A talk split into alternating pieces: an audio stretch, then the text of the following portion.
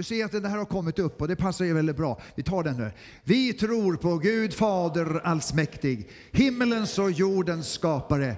Vi tror och på Jesus Kristus, hans enfödde son, vår Herre, vilken är avlad av den helige Ande, född av jungfru Maria, pinad under Pontius Pilatus, korsfäst, död och begraven, nederstigen till dödsriket, på tredje dagen uppstånden igen ifrån de döda, uppstigen till himmelen, sittande på allsmäktig Gud, Faders högra sida, därifrån igenkommande till att döma levande och döda.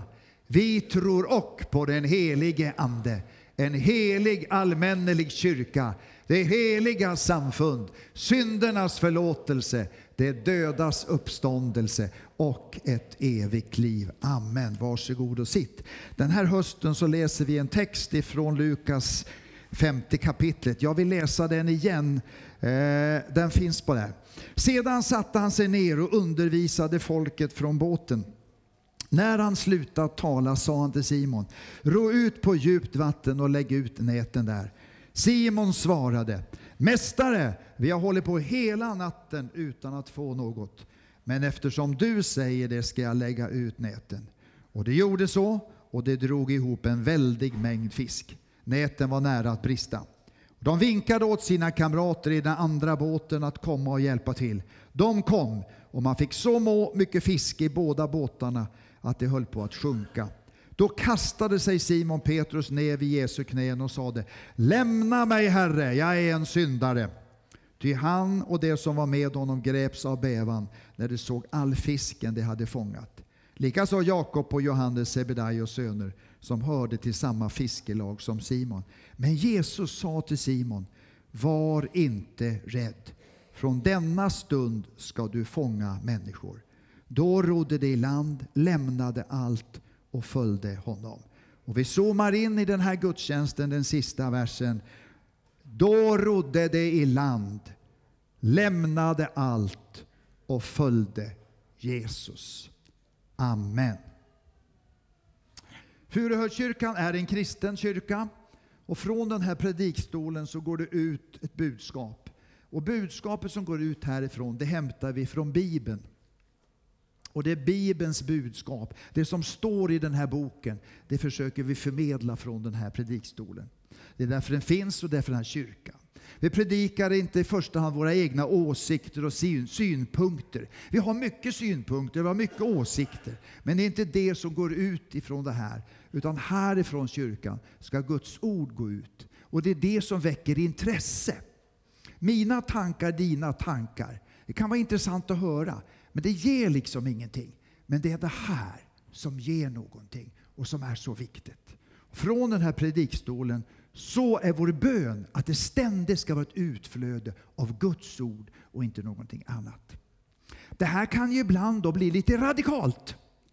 Och det kan bli liksom så att man, ah, kan man verkligen, är det så pass häftigt? Men vi vill att det som går ut ska vara saltet och Jesus talar om det. Han är saltet. Och han säger också om saltet mister sin sälta så duger det ingenting till. Det bara kastas iväg och trampas ner av människorna. Och därför är det så viktigt att det som förmedlas härifrån är ett salt, vänner. Inte våra personliga tankar, även om de är goda, utan bara Guds ord. Och det ska vi alltid tänka på och det är viktigt. Och idag så vill Herren säga till oss just det här då. Då rodde de i land, lämnade allt och följde honom. Hörrni, vi människor, vi behöver några saker för att leva. Vi behöver någonting att leva av. Leva av. Det vill säga, vi behöver, vad behöver vi för att leva? Mat, sa jag ja. Vatten, eller hur indier? Halvindier. Jag hade, också en fin, jag hade också en fin dräkt som ligger hemma nu, stryken och bra. Eftersom min hustru inte var hemma precis när jag åkte så ligger den fortfarande kvar där. Men vatten behöver vi i Indien hela tiden. Vatten, mat, ris, chapati, kyckling och dal. Lunch och middag i 16 dagar har jag ätit. Det vet jag vad det är. Vi behöver också syre. friskt syre, ren luft. Vi behöver det, att någonting att leva av. Vi behöver ett rum att leva på något sätt. Vi behöver någonting att leva med. Leva av och leva med. Vi behöver relationer. Vi behöver någon att prata med. Vi behöver någon som lyssnar på oss.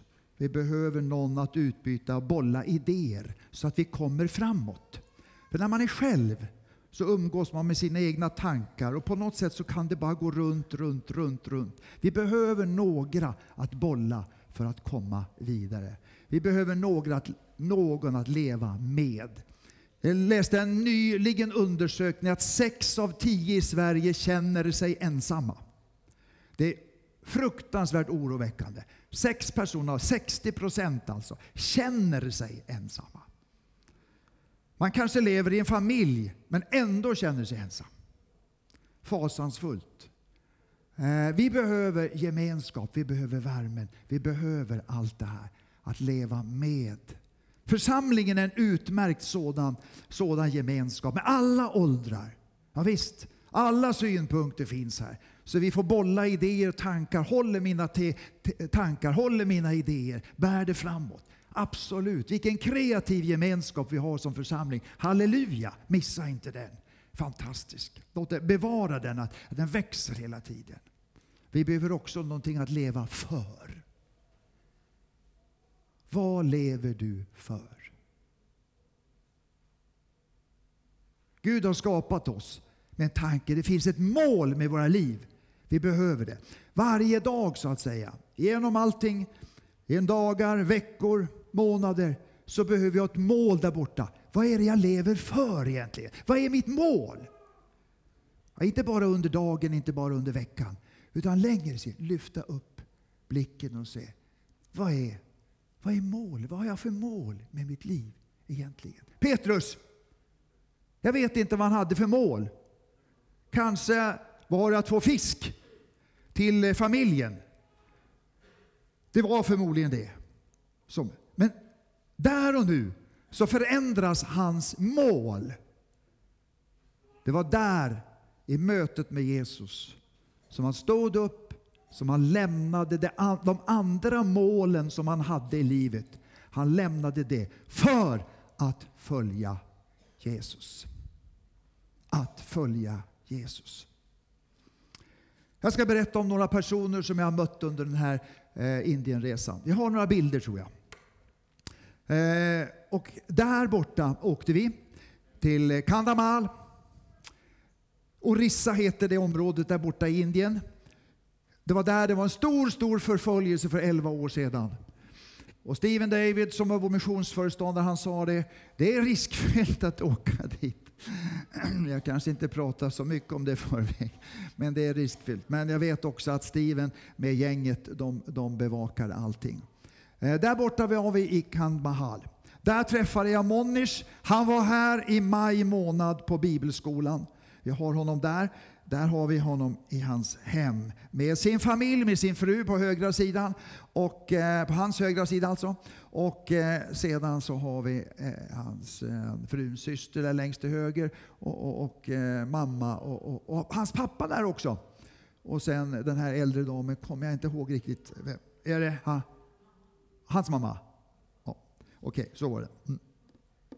Alltså, eh, den, den, här mannen då, då eh, längst till höger, hans pappa, han var alltså ansvarig för hindutemplet där i byn. Eh, Manisha berättade det här, men jag ska återberätta lite grann. Man, han, var, han var ansvarig för hindutemplet. Han var inte hindupräst, men han var liksom på något sätt ledare för det där. Då, då. Och Manish var ung och han gick i skolan. Eh, och så bodde han över eh, hos en kristen kamrat. Och den där kristna kamraten berättade om Jesus för honom. Och han sa det att nej, det trodde han inte på.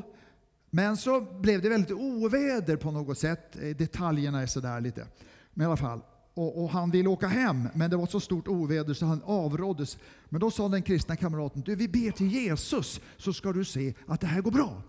Och de bad till Jesus och Mannis var med på det.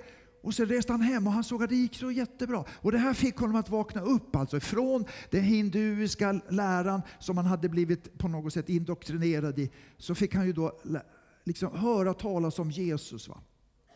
Och när han kommer hem så berättar han för sin mamma så här, på söndag då, då tänker jag gå till kyrkan.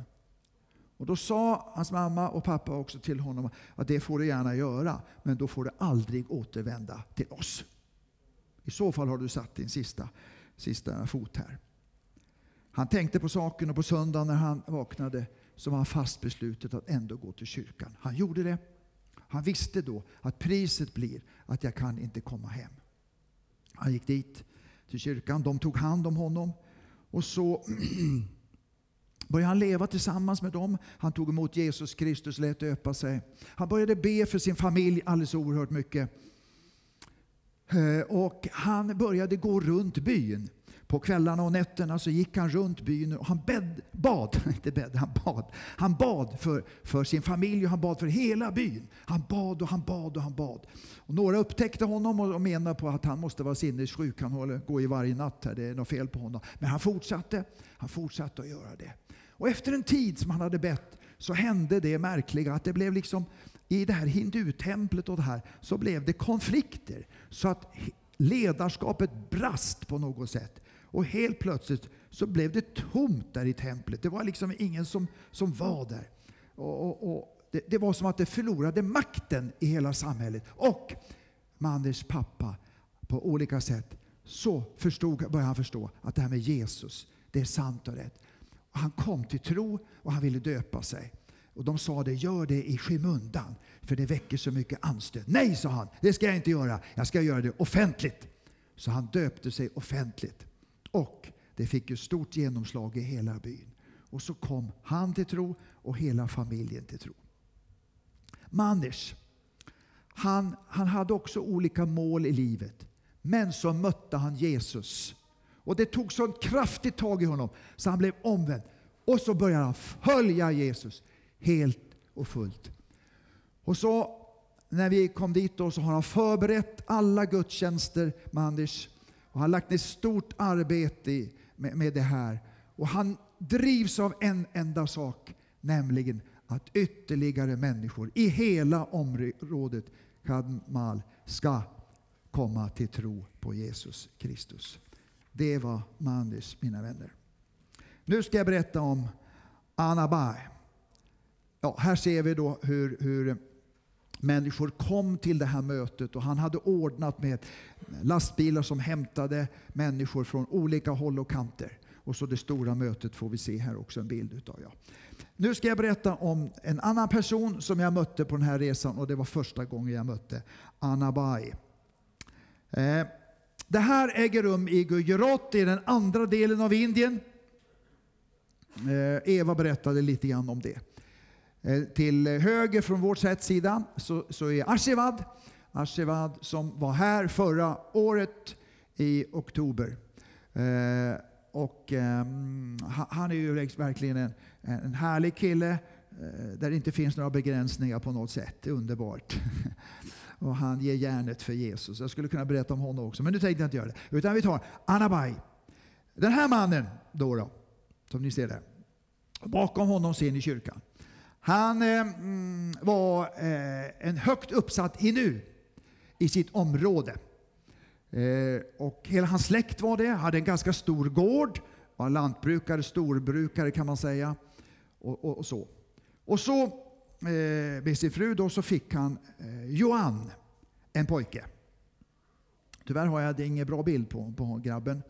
Men i alla fall, så eh, han var, föddes och ganska snart så blev han sjuk.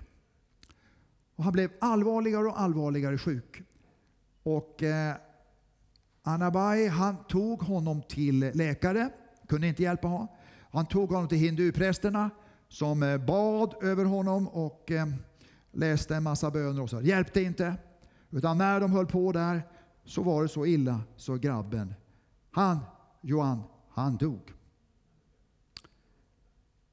Han visste sig ingen levande råd. Men då sa en av hinduprästerna, det finns ett gäng där borta och de tillber en gud som heter Jesus. Möjligtvis ska du gå dit. Och Anabai han tänkte det, ska jag gå till dem? För dem hade han nämligen förföljt.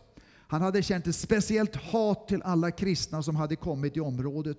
Han hade kastat sten på dem, han hade slagit dem. Han hade förbannat dem på alla sätt och han tänkte, ska jag verkligen gå till honom? Men nöden har ingen lag. Med sin döda pojke så springer han så allt vad han kan till de kristna. Han knackar på dörren och när de ser att det är han så håller de på att stänga dörren igen för de tänker, nu är han här för att slå oss igen. Men då säger han ödmjukt så säger han så här. Min son har dött. Kan ni be så att han får livet tillbaka? Johan. Och de förstår att det är allvar. Så de eh, börjar be för honom. Och när de ber så ser Anabai, så ser han ett ljus över dem som ber. Och han ser också ett ljus över pojken. Och när han ser det här ljuset över pojken så hostar pojken till och börjar gråta och kommer tillbaka till livet. Och Det här var naturligtvis en, en oerhörd upplevelse för Anabai. Så att med det här med sig, när han tar den levande pojken hem till sin familj, till sin fru och så här. Överlycklig. Och förstår då att i namnet Jesus så finns det en sån enorm styrka. Så, det, så han började besöka de kristnas eh, längre bort då, kristnas gudstjänster. Och han går dit. Och varje gång som han går dit så kastar de sten på honom för de har hört talas om att han, Anebai, håller på att bli kristen. Hinduerna kastar sten på honom.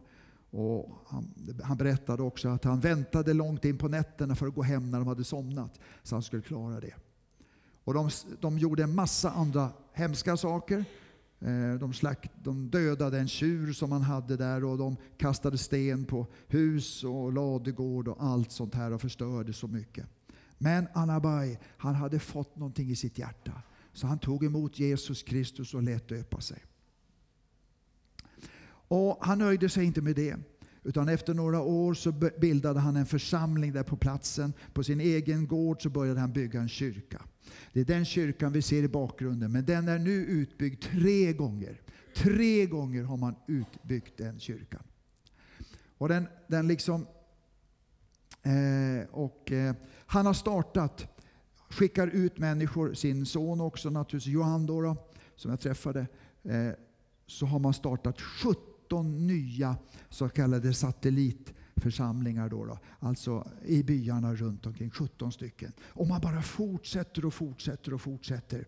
Och tills nu då, genom det här arbetet och vad Gud har gjort, så är det tusentals människor just i det här området som har vänt ifrån hinduismens mörker till evangeliets ljus. Genom en man på något sätt.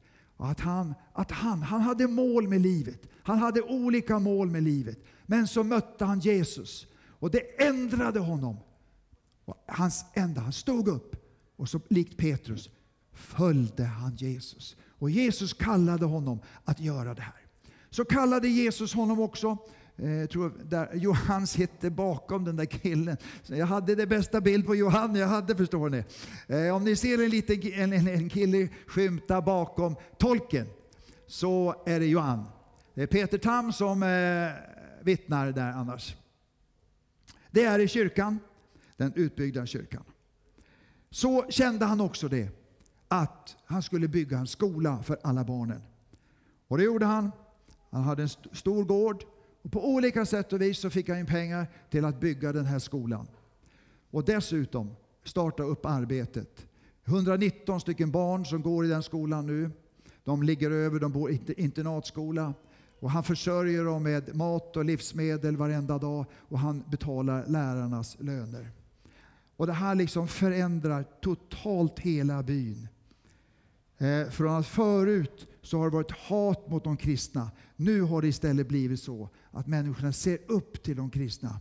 De gör någonting. De är med och förändrar till det bättre vårt samhälle. Anna Bai, vänner.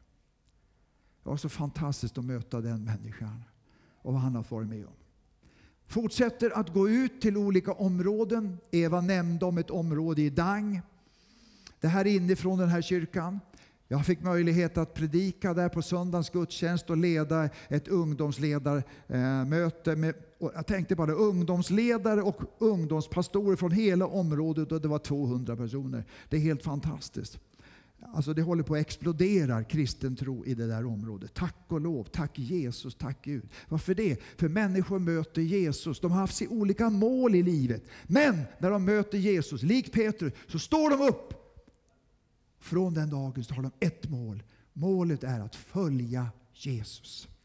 Att göra det som han säger att jag ska göra. De Har startat också, eh, som jag nämnde, på olika församlingar. Vi låter komma några ytterligare bilder här. Härifrån så kommer vi då till det här Dangområdet. Eh, vi åkte som Eva sa, serpentinvägar upp många fyra timmar. Eh, Steven Dave hade tyckt att jag såg lite trött ut. Så att han sa det, du får ledigt, du behöver inte vara med på söndagskvällens möte. Ja, skönt, sa jag. De berättade att det skulle vara långt att åka. Samtidigt som jag kände så ah, det är lite tråkigt. På söndag morgon så kom han, då hade, han sa, Lasse sa han, Gud har talat till mig, du måste åka dit, sa han. Jaha, ja, ja men det är okej, jag åker dit, det är inga problem. Så ställde in oss på det, så vi åkte dit då. Och tack gode Gud säger vi att vi åkte dit. Därför att då kommer vi till den platsen där man säljer sina barn som slavar, för man har fullständigt ingenting att leva utav. Det har gått bra långt då. Hinduismen har liksom ett högnäste där. Det, det, det, är mörkt på alla sätt och vis. Men där har en församling, en kyrka startat förstår ni.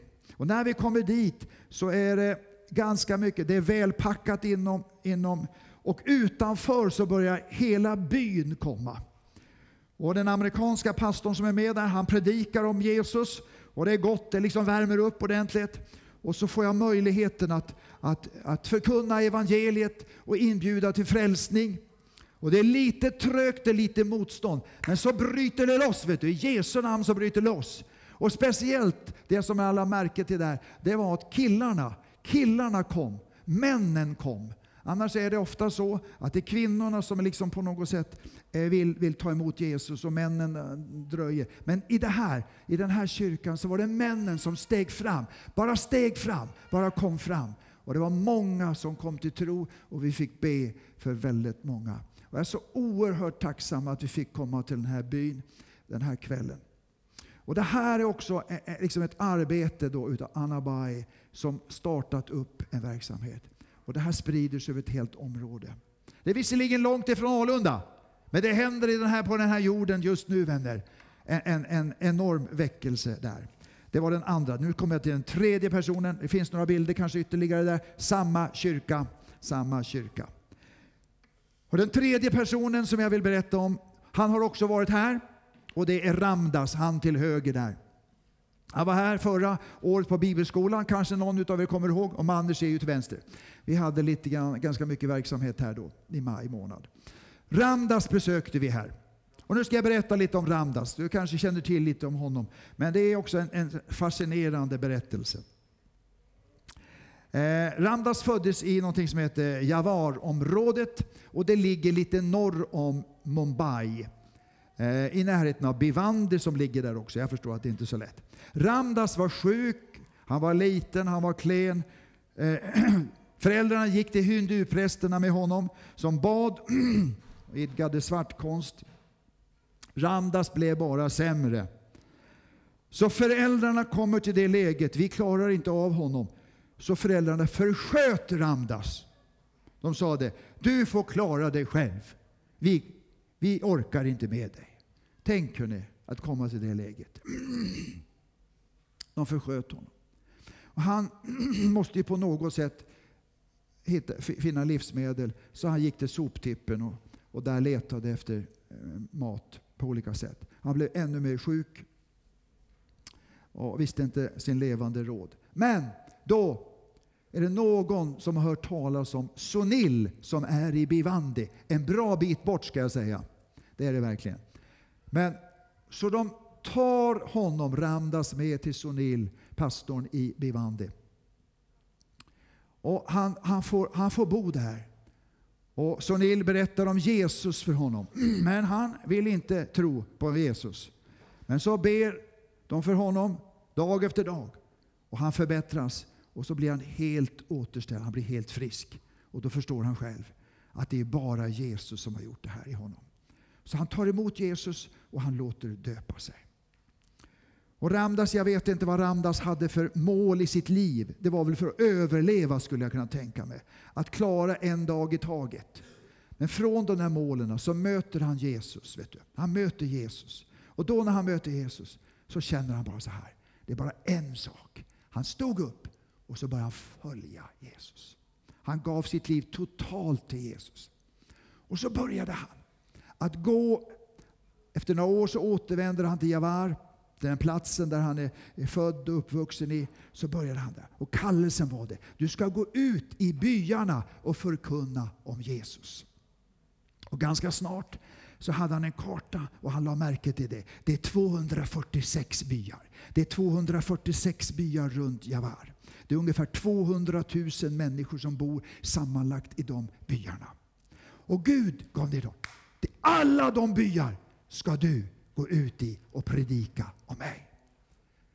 Det är hans mål, att följa Jesus. Och när jag pratade med honom så sa han det. Nu har jag nått upp till 40 byar. 40 byar har jag förkunnat Jesus. Och ni förstår, så fick vi följa med honom ut till en by. Och det här är den byn. Fick vi följa med ute. Det var där det inte fanns några toaletter. Eh, en mycket enkel by. och, och, ingen kyrkolokal utan vi samlades utomhus. Och det gick jättebra. Och där hade vi ett fantastiskt möte med de fattigaste av fattiga människor. Det var, det var verkligen fattigt, eländigt på alla sätt och vis. Men människorna var förväntansfulla. Och vi hade en gudstjänst där. Och jag frågade Ramdas, hur, hur, hur, gick det till när du kom till den här byn? Och då berättade han det. Att han cyklade på den tiden. Han cyklade då från Javar. Och det tog ganska lång tid från oss att åka bil till Javar. Så jag förstod att det har tagit väldigt lång tid för honom att cykla. Så cyklade han till den där byn. Och så när han kommer till byn så frågar han efter byhövdingen. Och då fick han träffa byhövdingen. Så berättar han sitt ärende. Och så frågar han byhövdingen. Behöver du ha hjälp med någonting? Och då sa byhövdingen. Ja, sa han. Jag är sjuk. Jag kan inte svara, nu kan, jag kan inte svara exakt vad det var. Men jag är sjuk, sa han. Så han berättade. Jag är sjuk. Ja, får jag be till min Gud Jesus för dig? Ja, det får du göra. Så han la händerna på honom. Han bad till Jesus. Och efter några dagar så blev den här hövdingen totalt frisk. Han blev totalt helad. Och det var som en öppen dörr in i byn. Så nu förstår ni, var vi på den marken som byhövdingen ägde. Vi ska ta någon bild till på det här tror jag.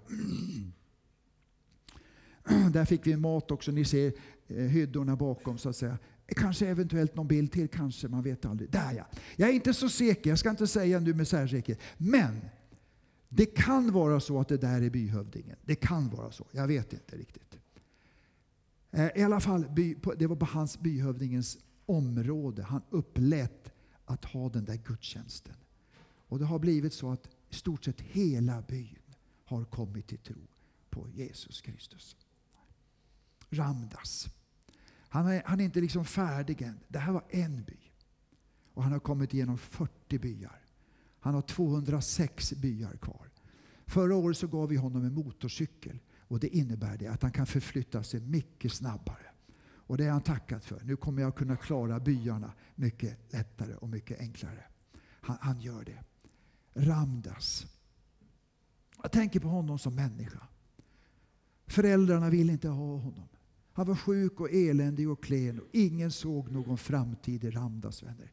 Ingen människa på jorden såg någon framtid i honom. Men det var en som såg en framtid i honom. Det var Gud, Jesus Kristus. Jesus såg en framtid i honom. Och han mötte honom. På märkliga vägar så mötte han honom. Och du vet, så reste han upp Ramdas. Och så gav han sin kallelse in i honom. Följ mig. Och Ramdas, den enkla, ödmjuka tjänaren. Du vet när, när man möter honom så säger han inte många ord. Utan han liksom finns i bakgrunden. Han lyser som en sol. Men den enkla människa, det där enkla verktyg som Gud använder så oerhört starkt. Vet du varför? Därför att han har ett mål i sitt liv. Han har sorterat bort de andra målen. Han har ett mål i sitt liv. Att följa Jesus. Att följa Jesus. De här tre personerna jag ville berätta för dig om. Jag skulle kunna berätta om många fler. människor. Men jag berättar om de här människorna. Det var Petrus vi läste i början. Petrus. Han hade flera mål i sitt liv. Men när han såg Jesus, förstod honom, mötte honom, så stod han upp och ville bara följa honom. Du behöver också någonting att leva för. Inte en massa saker. Utan du behöver någonting att fästa ditt fokus på. Vad är det jag gör av mitt liv? Vad gör jag av mina dagar på jorden egentligen? Vad gör jag av det? Genom allt. Genom alla utmaningar, genom arbete och möda som vi möter genom livet. Att lyfta på huvudet och säga, det finns ett mål. Att följa Jesus. Att följa Jesus. Och jag har berättat om tre personer som har bestämt sig för det. Och jag har också berättat om vad deras liv leder någonstans till ett fruktbart liv. Det var min predikan idag. Det handlar om följ Jesus. Och min fråga blir naturligtvis, följer du Jesus? Och frågan till mig blir, följer jag Jesus? Eller vad är det egentligen som jag följer? Håller jag på och hattar hit och dit? Försöker jag liksom vara lite mittemellan, lite lagom? Är det det jag försöker vara? Den här texten säger det. Då stod de upp och följde honom. Petrus följde honom. Vi ska göra som vi gjorde i Indien. Och jag har inte förberett er Indienvänner, men jag ber att ni kommer fram här. Nu kommenderar er förr så kan jag göra det nu. ni kan stå här, stå här, kära vänner. Mm. Och nu vänner så ska vi bara, liksom, jag tror att lovsångarna finns med här också, sätter sig på sin plats.